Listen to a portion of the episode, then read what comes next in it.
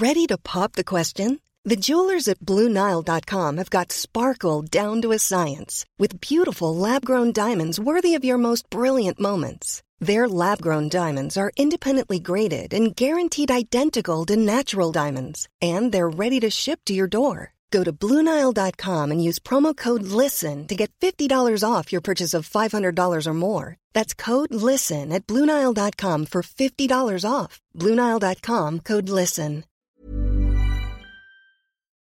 Hej och välkommen till Mardrömmarnas podd. I dagens avsnitt så kommer vi prata lite mer om sekter. Men innan vi går in på ämnet så skulle vi vilja berätta lite mer om vad en sekt är. Ja, och en sekt är en religiös social gruppering av människor. Denna grupp har ett avvikande sätt att se på religion som människor som menat att de är Jesus, att de vet hur livet på denna jord kommer att sluta med mera. De vill rädda folk. De vill också gärna värva folk till sin grupp som de tycker passar in. Och Många medlemmar blir också födda in i sekten och kan därför få det väldigt svårt för att sedan kunna lämna då resten av ens familj är i sekten. Inom sektens grupp så finns det normer att följa och följs inte dessa så kan man bli helt utsluten ifrån sekten. Men vilka går då med i en sekt? Ja, vissa föds in i en sekt. Men då vill jag också poängtera att då har man inte gjort det faktiska valet att gå med. Eh, ensamma människor som önskar gemenskap kan gå med i en sekt. Sökande personer i jakt på mening med livet, vilket oftast är unga kvinnor och män. Sekterna håller sig ofta borta ifrån andra människor och det är därför man ofta sett att de mer omtalade sekterna befunnit sig ute i ett hus på landet lite avsides ifrån människor och tekniken. Men det finns också olika sorters sekter, eller hur Alisa? Ja, precis. Och jag kommer dra upp några olika typer av sekter kortfattat. Vi har dels omvändelsesekter och de tror att i en ond och fallen värld så kan inte människan vinna frälsning genom kyrkan utan genom en egen radikal omvändelse som på den andliga sidan innefattar upplevelse av Guds nåd men som också på den världsliga sidan leder till förändrad livsförändring. Eftersom världens uselhet är summan av individernas uselhet så leder väckelse med många omvända dessutom till en förändring av samhället. Sen har vi också revolutionära sekter och den delar uppfattningen om världens förfall men finner världen så usel att den inte kan räddas. Och uselheten är ett tecken på ett övermänskligt ingripande från till exempel Kristus eller någon form av slutstrid som ska inträffa. Det finns också introverta eller isolerande sekter. De inser, liksom den revolutionära sekten, att världen är fördärvad och oförbätterlig. Och man vet med sig att man utgör en undantagsgrupp. Det är därför bäst att ha så få kontakter som möjligt med icke-troende. Man vill inte smittas eller dras in i deras orena tillvaro. Sen kommer vi till manipulativa sekter, vilket är de mest populära typerna av sekter. De förkastar inte världens värderingar och betraktar inte de mål som människan strävar efter som något man bör avstå ifrån utan erbjuder istället alternativa vägar att nå dessa mål vilkas uppnående ibland betecknas som att man nått en form av frälsning. Hälsa och framgång kan uppnås genom en särskild insikt. En insikt som förmedlas genom den manipulativa rörelsens skrifter och genom en enskild handledning av personer som förvärvat djupare kunskap i det aktuella lärosystemet. Och nu till den sista, den utopiska sekten. De har uppfattningen att samhället kan förbättras och denna förbättring kan inträda först sen sektmedlemmen genom sitt liv i ett alternativt samhälle demonstrerat hur en god samhällsbildning kan vara organiserad. Så det visar ju sig här att det finns ju faktiskt en slags positiv typ av sekt också om man ser till den här sista. Eh, ja, precis. Och sekter har ju funnits sedan långt, långt tillbaka och finns än idag. Och vi har ju till exempel scientologerna och Jehovas vittnen och sekterna vi ska tala om idag.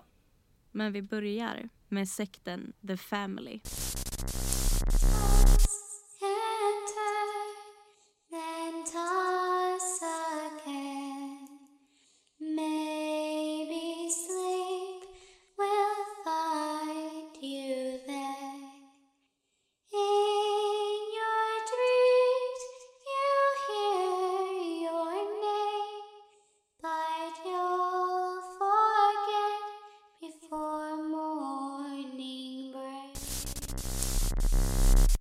Året 1921 föddes Evelyn Grace Victoria Edwards i Australien.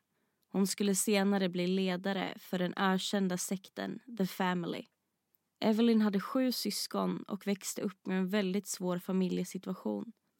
Mamma var psykiskt sjuk och led av bland annat schizofreni och Evelyns pappa övergav familjen när hon var mycket ung. Detta ledde till att Evelyn fick spendera större delen av sin barndom på barnhem, vilket gav stora sår. 1947, som 20-åring, bytte Evelyn namn till Anne. Ingen vet exakt varför, men man kan gissa att det var symboliskt sätt för henne att starta ett nytt liv. Och hennes största dröm i detta nya livet var en helt egen familj. Samma år gifte sig Anne med en bonde vid namn Lionel Harris Redan där visade sig Anns övertalningsförmåga då hon fick honom att vara hemma från kriget i åtta månader. Men militären fick med honom till slut. Det syntes tydligt att hon hade en identitetskris efter sin tuffa uppväxt. Hon skulle genom åren göra många plastikoperationer. Hon såg alla andras familjer och kände ett starkt behov av att skapa sin egen. Och efter kriget planerade Anne och Lionel att adoptera ett barn och hittade då en pojke de ville ha med i sin familj. Men i augusti 1954 är olyckan framme och Lionel dör i en bilolycka. Där och då rasade Anns värld. Alla hennes planer om den perfekta familjen gick upp i rök framför hennes ögon. Anne hade som många andra kvinnor på denna tiden börjat med yoga och använde det för att nå ett psykiskt lugn. Hon kom väldigt nära kvinnorna som var med på träningarna och gruppen blev hennes tillfälliga familj. Med tiden blev Anne själv yogainstruktör och hennes kunder skulle sen visa sig bli några av hennes första följare. Hon utgick som en new age-guru och använde mycket av hinduism och buddhism i sina pass. Anne kände behovet av att manipulera dessa kvinnorna för att de inte skulle lämna henne som hennes familj hade gjort. Hon lyckades då få en kvinna att lämna sin man.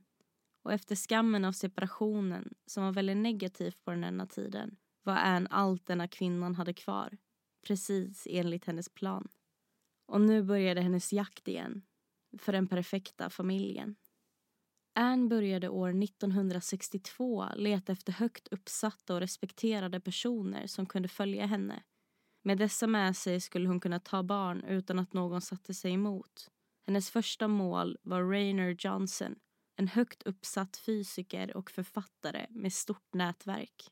Anne började leta information om Rainer och gick så långt att hon låg med hans trädgårdsmästare för att få veta mer om honom.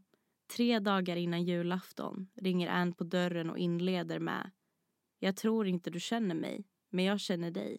Mitt namn är Anne.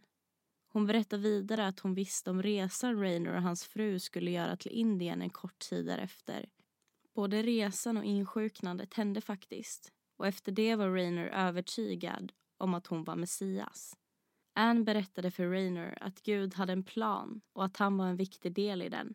Hon ville ge honom det eviga livet som hon själv hade fått och berättade att hon rest till kosmos för att prata med de upplysta. Citat.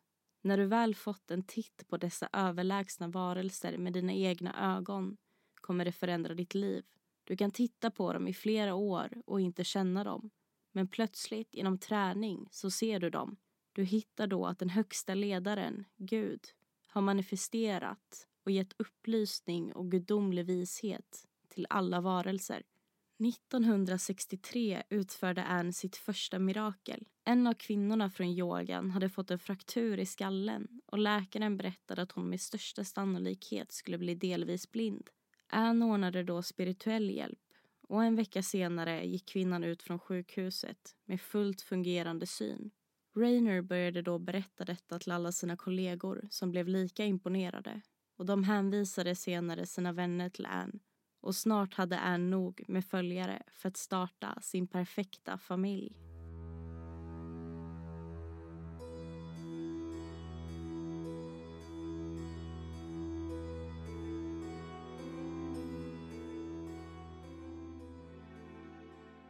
Följarna trodde att Anne var en personifierad Jesus och att hon skulle ha sina 28 barn för att kunna bygga upp mänskligheten efter en kommande kärnvapenapokalyps. Följarna doserade sig regelbundet med LSD. De var helt vanliga mellan och högklassmänniskor som bara letade efter en spirituellt uppvaknande på grund av risken för utplåning till följd av kärnvapen, något som Anne kunde erbjuda. Hon kallade sina följare för de förkroppsligade Jesu lärjungar och Rainer fick namnet Johan döparen. Detta för att han varit med och värvat så många följare till sekten. Rainer brukade hänvisa sina patienter och vänner till Anne för spirituell vägledning och tack vare honom var många av Annes följare högt uppsatta i samhället. Bland annat advokater som hon kunde använda för att förfalska pass och födelsebevis. Hon fick också med läkare och sköterskor som kontaktade äldre för att övertala dem att lägga med Anne i sitt testamente. Det fanns till och med domare med i sekten och de skulle hjälpa Anne att fängsla dem som kunde bli ett hot mot henne.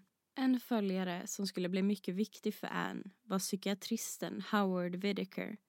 Han var en forskare och använde ofta hallucinogena droger för att behandla psykisk ohälsa, med framförallt LSD.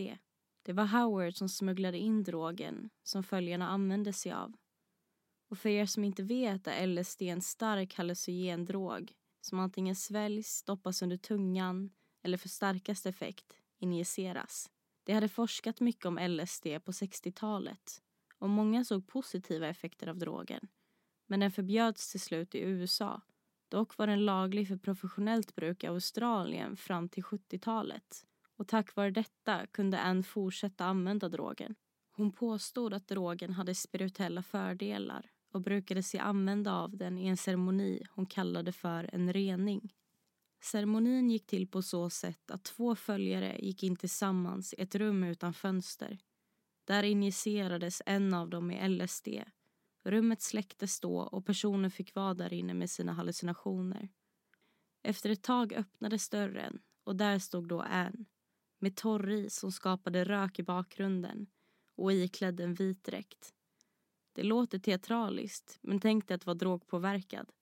Följarna såg då Anne som en självklar Messias. Och även Charles Manson hade i sin sekt använt LSD för att manipulera sina följare. Eftersom Anns mamma hade diagnosen schizofreni fanns det en 12% risk att hon själv hade ärvt diagnosen. Detta kunde förklara varför Anne var så övertygad om att hon var en förkroppsligad Jesus. Och LSD ökade även effekten av diagnosen. Och med 1968 hade Anne fått med sig alla de följare hon behövde för att skapa sin familj.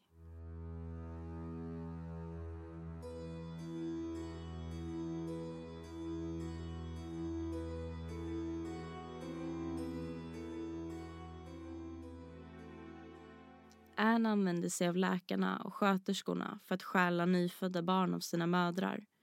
Ett exempel är när Anne stal sitt första barn. Hennes namn var Sarah Moore. När Sarahs mamma låg i sjukhussängen täckte en läkare hennes ansikte med en kudde medan en sköterska injicerade henne med lugnande och då kunde de lugnt ta med sig bebisen. Anne var smart och tog bara barn från kvinnor som var hjälplösa. Sarahs mamma var bara 16 år och utan någon man i bilden hade hennes familj kastat ut henne. Sarah fick inte veta förrän i tonåren att Anne inte var hennes riktiga mamma. Och tack vare följarna som var advokater och domare kunde Anne förfalska födelsebevisen och även få ihop att barn var både tvillingar och trillingar. Och barnen fick då ändra efternamn. Det fanns även kvinnor i sekten som mot mirakel gav sina barn till Anne det hon gjorde då var att en läkare injicerade gift in i kvinnorna när de var ovetande så att de blev sjuka. Och när Anne utförde sitt mirakel slutade läkaren föra in gift i kvinnan. Då såg det ut som att Anne hade botat henne. Efter det gav hon frivilligt bort sitt barn. 1971 flyttade Anne med hennes första sju barn till ett hus i Illiden vid en sjö de kallade för Uptop. Då hade Anne runt 500 följare. Huset låg undangömt och användes för alla ceremonier som hölls. Hon bodde dock inte med barnen i huset utan valde ut tre kvinnor som barnen kallade för fastrar. Även följarna följde med. Då många av dem hade gott om pengar köpte de en bit därifrån några hus. De ville vara nära Anne, vilket hon var mycket nöjd med. Hon ville ha dem nära för beskydd då hon var mycket paranoid för att icke troende skulle döda henne. En följare vid namn Ann Parker förklarade personerna i sekten som citat En grupp med härliga människor som söker efter en spirituell dimension i sina liv. Men hur kunde de acceptera att Anne hade 27 barn? Och varför ifrågasatte inte någon metoderna hon tog dem på? Det man måste förstå är att på denna tiden var många rädda för en utplåning i följd av kärnvapen och Anne lovar dem en slags återfödning efter den kommande apokalypsen vilket hon garanterade skulle ske under 80-talet. Uptop skulle då stå kvar och alla trogna följare samt barnen skulle ansvara för att bygga upp mänskligheten igen. Här kan man också börja se rasismen i sekten som också kallades för The Great White Brotherhood. De skulle se till att barnen skulle bli den nya vita mästarrasen efter undergången. Hon avbildar dem efter The Trap Family i musikalen The Sound of Music. Alla där hade lekt vitt hår i bobfrisyrer och hade högkvalitativa gammalmodiga kläder. Rosa volangklänningar till flickorna och blå polotröjor och byxor till pojkarna. Denna klädsel var extra viktig i de foton Anne tog på barnen för att visa upp till offentligheten. Och istället för att gömma barnen använde hon dem som en slags marknadsföring för sekten. Det folk fick se var extremt väluppfostrade barn som hade det bästa av allt. Hon ville visa att vem som helst skulle bli lycklig av att få vara en del av hennes familj. Men det kunde inte vara längre ifrån sanningen.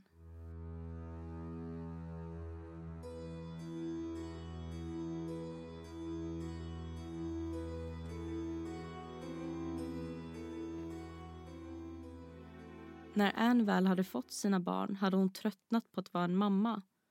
Barnen var mer en samling för henne nu.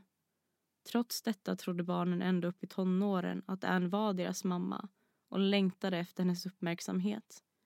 Anne lämnade över vårdnaden av barnen till fastrarna helt. Och de hade extremt strikta förhållningssätt. Halv sju varje morgon gick barnen upp för att bädda sina sängar. Efter det var det en timmes meditation innan deras skola började. Minsta lilla fel eller försening så blev de bestraffade. Slag fick de vardagligen, men fastrarna hade mer extrema metoder de kunde ta till. Ett exempel på detta var när en bildlärare upptäckte att hans penslar var borta efter en lektion. Fastrarna samlade då barnen och fyllde upp en hink med vatten. En efter en fick barnen huvudet nedtryckt under vattenytan och frågades mellan doppen vem som hade tagit penslarna. Detta pågick i timmar Penslarna hittades sen på gräsmattan där läraren tappat dem innan han steg in i bilen. Anne var väl medveten om tortyren som pågick och uppmuntrade till det. Hon förklarade att den spirituella vägen krävde handlingar som ibland var obekväma. När Anne var bortrest ville hon ha regelbundna uppdateringar på hur barnen skötte sig. Fick hon veta att någon misskött sig krävde hon att en av fastrarna höll upp telefonen framför barnet medan en annan faster slog med ett bälte så hon kunde höra barnet skrika. I mitten av 70-talet byggde sekten ett tempel en bit ifrån deras hus. Detta tempel kallades för Shantiniketan, nämnd efter en referens från hinduismen. Namnet betydde fred för bostad. Bakom de låsta dörrarna träffades följarna för möten varje torsdag och söndag. Anne predikade där sina domedagsprofetior och nästan alltid var följarna påverkade av LSD och om hon var bortrest fick de lyssna på inspelningar.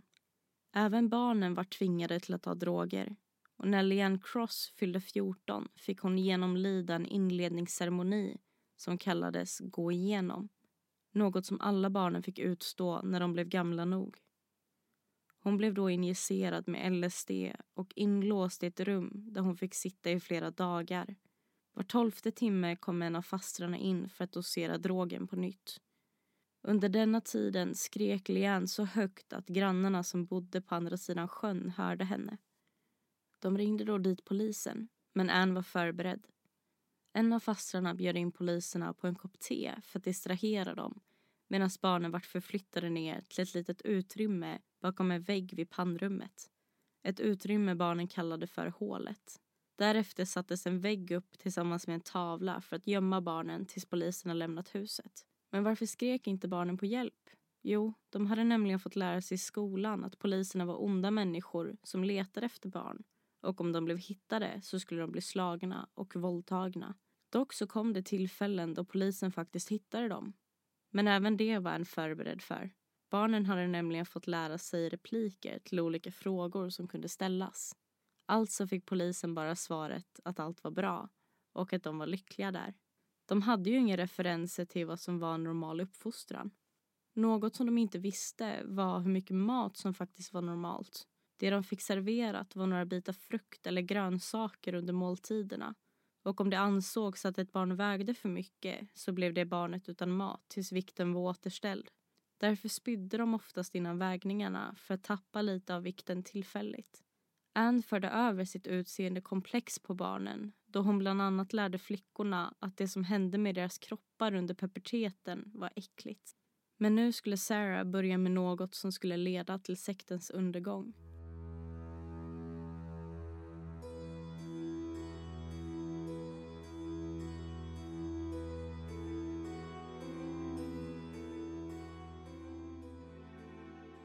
Alla köksluckor var låsta, likaså kylskåpet.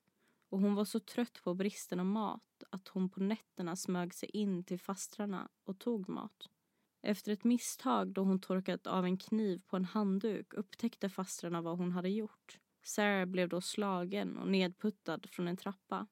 Men detta stoppade henne inte. Nu började hon istället smyga ut på nätterna och gick längre bort. En natt hittade hon ett hus med olåsta fönster och tog sig in.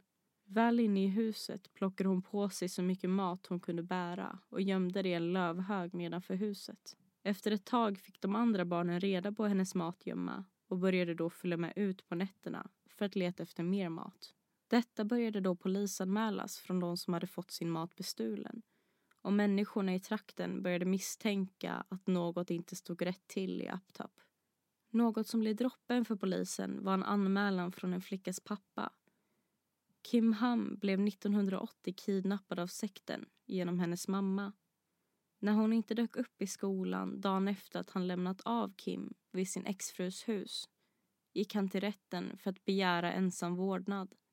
När Kim inte hittades berättade pappan till polisen om en mystisk vit bil som hade stått parkerad på uppfarten. Och tack vare att han skrivit ner bilens registreringsskylt kunde bilen sedan spåras till Uptop. Polisen bestämmer sig då för att leta igenom byggnaden men hittar inte Kim där.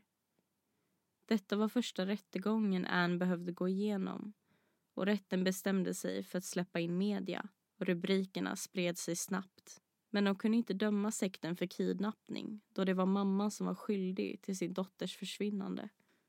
1978 gifte sig Anne med en man vid namn William Bill Byrne. Anne tog då hans efternamn och blev då Anne Hamilton Byrne som man känner henne för idag. Han hade gott om pengar och lät Anne göra det hon ville. Och tack vare alla donationer från följarna och pengar hon fått från äldres testamente genom åren hade hon samlat på sig en förmögenhet. Hon ägde många fastigheter runt om i världen och var därför ofta bortrest. Apokalypsen hon förutspått närmade sig snabbt och Anne kände inte längre behovet av att hålla uppe sin fasad. Det började tydliggöras att hon inte längre var så övertygad om sina profetior hon så länge hade undervisat om. Hon hade vid detta laget fått allt hon ville ha och hade inte så mycket kvar att uppnå. Och hon slutade intressera sig för att kontrollera barnen. 1985 lät Anne både Sarah och Leanne att skaffa vänner utanför sekten. De kom nära två tvillingflickor vid namnen Helen och Katie. Vid ett tillfälle efter att Sarah varit över på middag hos flickornas familj erbjöd sig mamman att köra hem henne. Då bjöd hon med mamman in i huset. Anne var vid detta tillfället bortrest, men Bill var hemma. Så när Anne senare fick reda på detta kastade hon ut Sarah ur huset med orden Du är inte längre våran dotter. Gå ut dit. Gå ut och dö i diket. Sarah tyckte inte om tanken att lämna sina syskon under Anns kontroll men visste inte vad hon skulle göra åt det. Hon fick flytta in hos Katie och Helen efter det. Flickornas föräldrar bestämde sig då för att ta Sarah till polisen där hon fick berätta om det som hänt i sekten. I augusti 1987 blev Uptop stormat av en polispatrull. De tog med sig barnen, men Bill höll en av flickorna kvar. En av poliserna höll då upp en revolver mot hans huvud i hopp om att han skulle släppa flickan. Men Bill gav sig inte. Då fick poliserna brotta bort flickan från Bills grepp. Denna räd skedde samtidigt i resten av sektens hus. Enorma mängder droger hittades. Anne befann sig under denna händelse i USA och skickade därifrån ett ynkligt meddelande till sina följare. Citat. Mina kära vänner. Det finns ingen kyrka stor nog för att hålla ljusets prakt och den heliga ande. Det är ingen tro som är möjlig för den underbara förståelsen när du rör vid Gud.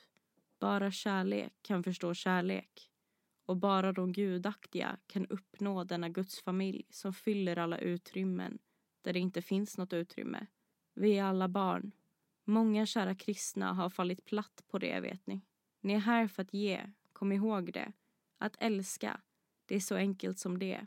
Leva så att andra kan känna din kärlek. Så nu var sektens tid över. Polisen i Australien samarbetade med FBI för att Anne skulle bli tillbakaskickad där hon skulle sättas framför en domstol. Följarna började skingras för rädsla att bli dömda tillsammans med Anne. Men alla kom inte undan. Howard förlorade sin licens på grund av de drogerna han hade smugglat och blev utstött av samhället efter det han hade gjort. Rainers rykte förstördes. Han hade många gånger försvarat familjen offentligt och detta fick nu sitt straff. Men tro det eller ej så finns sekten kvar idag.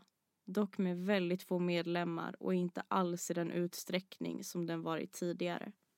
Anns rättegång skulle hållas den 17 augusti 1993. Men rätten hade inga bevis och där fick både Ann och Bill fria med en ynka bot på 5 000 dollar var. Det bestämdes att barnen inte skulle behöva vittna för att inte öka deras traumatiska uppväxt. Så det enda rätten hade att gå på var konspirationen av bedrägeri och förfalskande registrering av trillingar. Men när domen fälldes 1994 var alltså Anne och Bill fria. Sarah fick i vuxen åldern diagnoserna PTSD och bipolär. Hon utbildade sig till läkare men genom sitt yrke skrev hon ut recept och självmedicinerade sig. Sarah gjorde flera självmordsförsök genom åren och efter ett av dem, 2008, blev hon tvungen att amputera ett av benen. Hon hade då av misstag injicerat luft i benet. Sarah dog 2016 som 46-åring. Hon som hade visat mod och räddade sina syskon orkade inte med minnet av sin uppväxt mer. Anne levde i ett äldreboende och blev med åldern dement. 2019 rapporterades det att Anne dött. Hon blev 98 år gammal. Man kom då fram till att hon hade ett värde på cirka 10 miljoner dollar. Några år tidigare hölls en intervju med Anne då hon fick frågan varför hon gjort det. Med ett ondskefullt leende svarade hon. Jag älskar barn.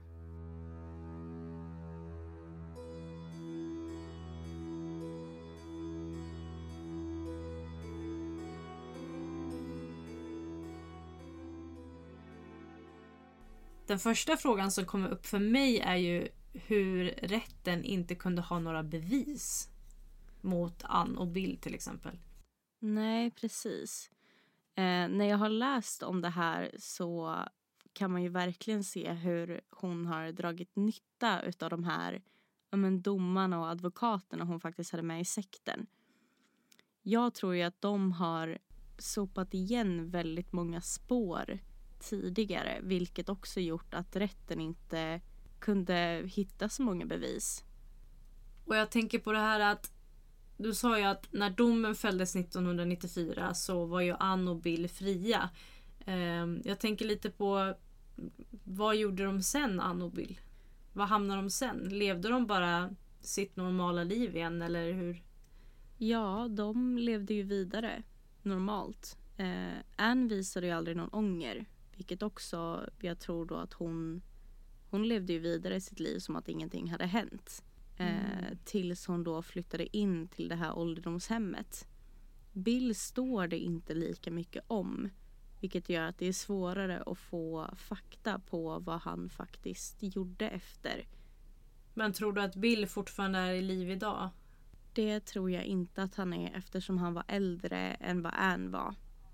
Och mm. Ann blev mm. ju 98 förra året då. När hon mm. dog. Och jag tänker på det här med att hon hade ett värde på 10 miljoner dollar. Vad, vad menades med det? Det var ju de pengarna som hon då hade samlat på sig. Det var ju hennes liksom net worth.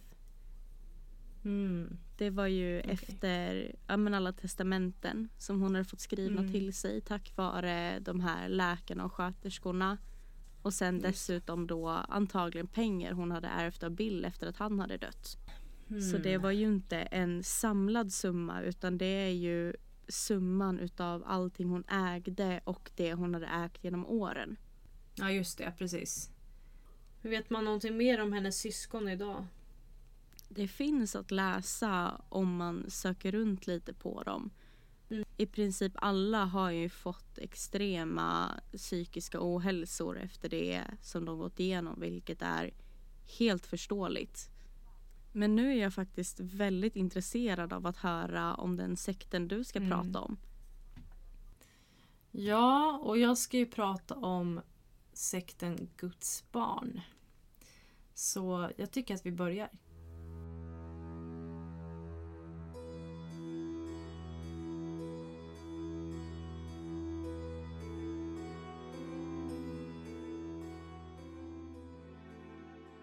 Hon var en känd pastor inom pingströrelsen och fann under sin tid en man hon blev förälskad i. 1919 så fick hon en son som fick heta David Brandt Berg, även kallad David Moses. David växte upp i ett kristet hem och fick under sina första år resa med sina föräldrar för att dela budskapet om Gud. Till slut hamnade familjen Berg i Miami där de sedan bodde under 14 års tid. Familjen levde på församlingsmedlemmarnas gåvor för att överleva och David fick lära sig om sparsamhet, något han senare i livet skulle ha användning av. Virginia, Davids mamma, bestämde sig 1930 för att resa till sitt favoritministerium. Under sin tid inom det så agerade hon chaufför, generalassistent och sångledare. Berg följde sina föräldrars fotspår och blev senare minister i Christian Missionary Alliance i Arizona. Där blev han dock utesluten efter en tid då han hade haft sexuell relation med en medlem i kyrkan. Fred Jordan, familjen Bergs chef och vän, gav dem en ny chans och ville att de skulle tillbaka till Miami för att starta en missionärsskola. Här blev det dock också problem för dem och de hamnade i kläm med de lokala myndigheterna och de bestämmer sig för att sticka från Miami till Texas. David Berg grundade senare Teens of Christ i Kalifornien 1968. Detta skulle senare bli känt som Guds barn, kärlekens familj och i senare tid en sexsekt. Budskapet var Jesus kärlek till folket och fler och fler människor sökte sig till sekten. Detta var under flower power och hippietiden så ni kan ju tänka er att folk var lätta att värva in i något som ger gemenskap och kärlek som de påstod sig ge. Alla medlemmar bodde kollektivt, alltså tillsammans. Alla barn var allas barn och alla vuxna var barnens föräldrar. Det var så David ville ha det. För alla är vi Guds barn.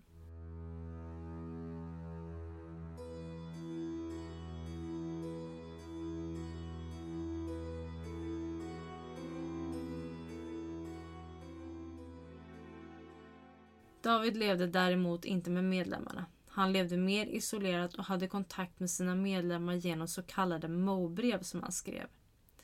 Dessa brev kunde innehålla texter om hat till pedofillagar, kapitalism och judar. Breven kunde också innehålla religionlära och nya regler som sekten skulle följa. Och för er som är intresserade om vad som stod i dessa mobrev så finns det att läsa på davidberg.org. Sekten behövde pengar för att överleva och David kom på en idé. De kvinnliga medlemmarna skulle ge sig ut på gatorna för att försöka förföra nya medlemmar eller ha sex med dem mot betalning. De här kvinnorna kallades för Guds horor. Kvinnorna fick inte använda preventivmedel och detta var för att fler barn skulle födas in i sekten och dessa barn skulle då kallas Jesu barn. Metoden att förföra män hette flirty fishing och upphörde inte förrän året 1987. Andra medlemmar kunde stå på gatorna och göra reklam för sekten genom att lovsjunga och på detta sättet även få pengar.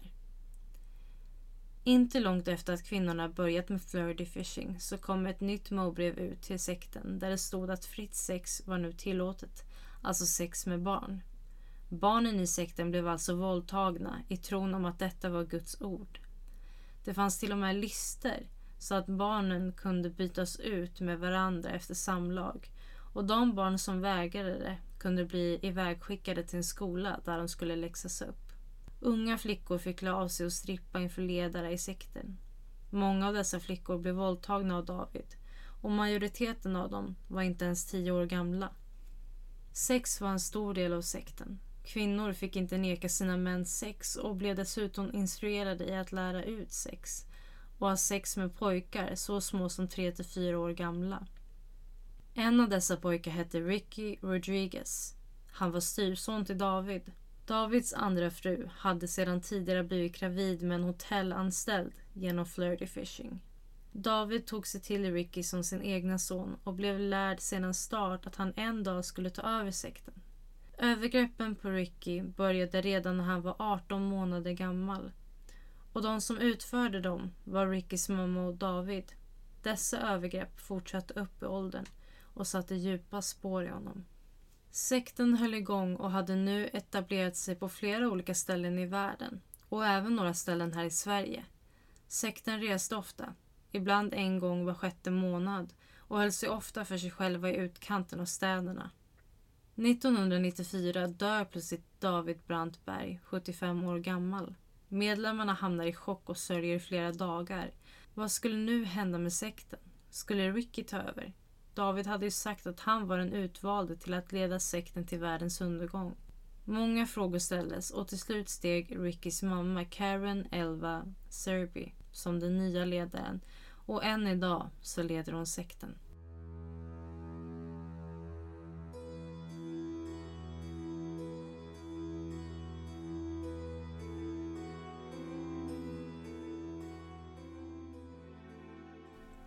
Men jag tänker Rickys mamma, vart hon straffad för övergreppen?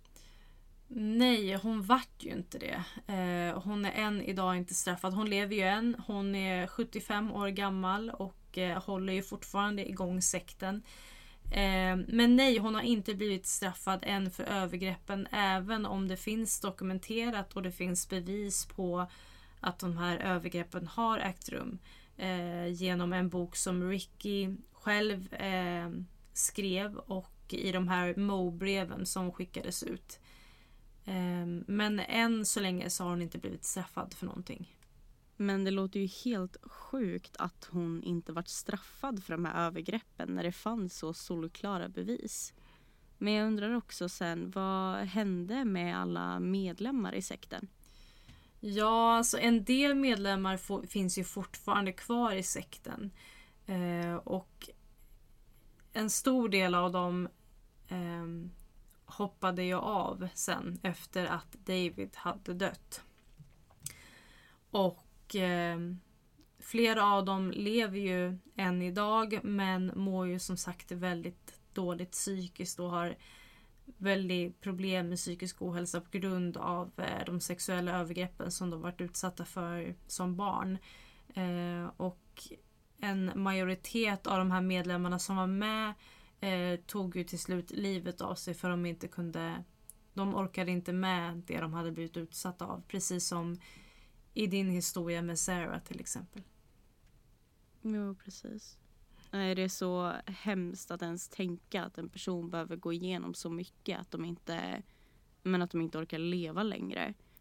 Men det får mig att tänka på hur mår Ricky idag?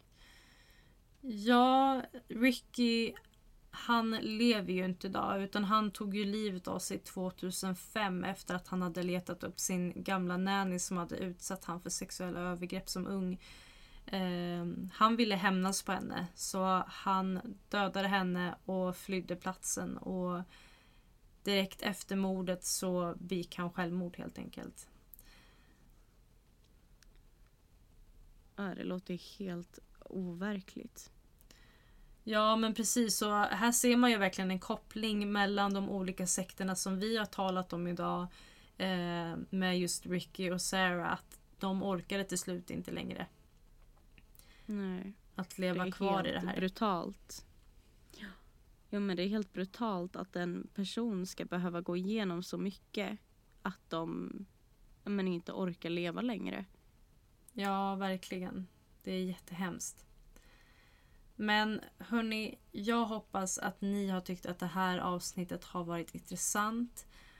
Och eh, nästa torsdag så kommer ett nytt avsnitt ut som kommer handla om mytiska varelser. Så jag hoppas att ni är med och lyssnar då också. Men ha det bra nu så länge så ses vi nästa vecka igen i mardrömmarnas värld.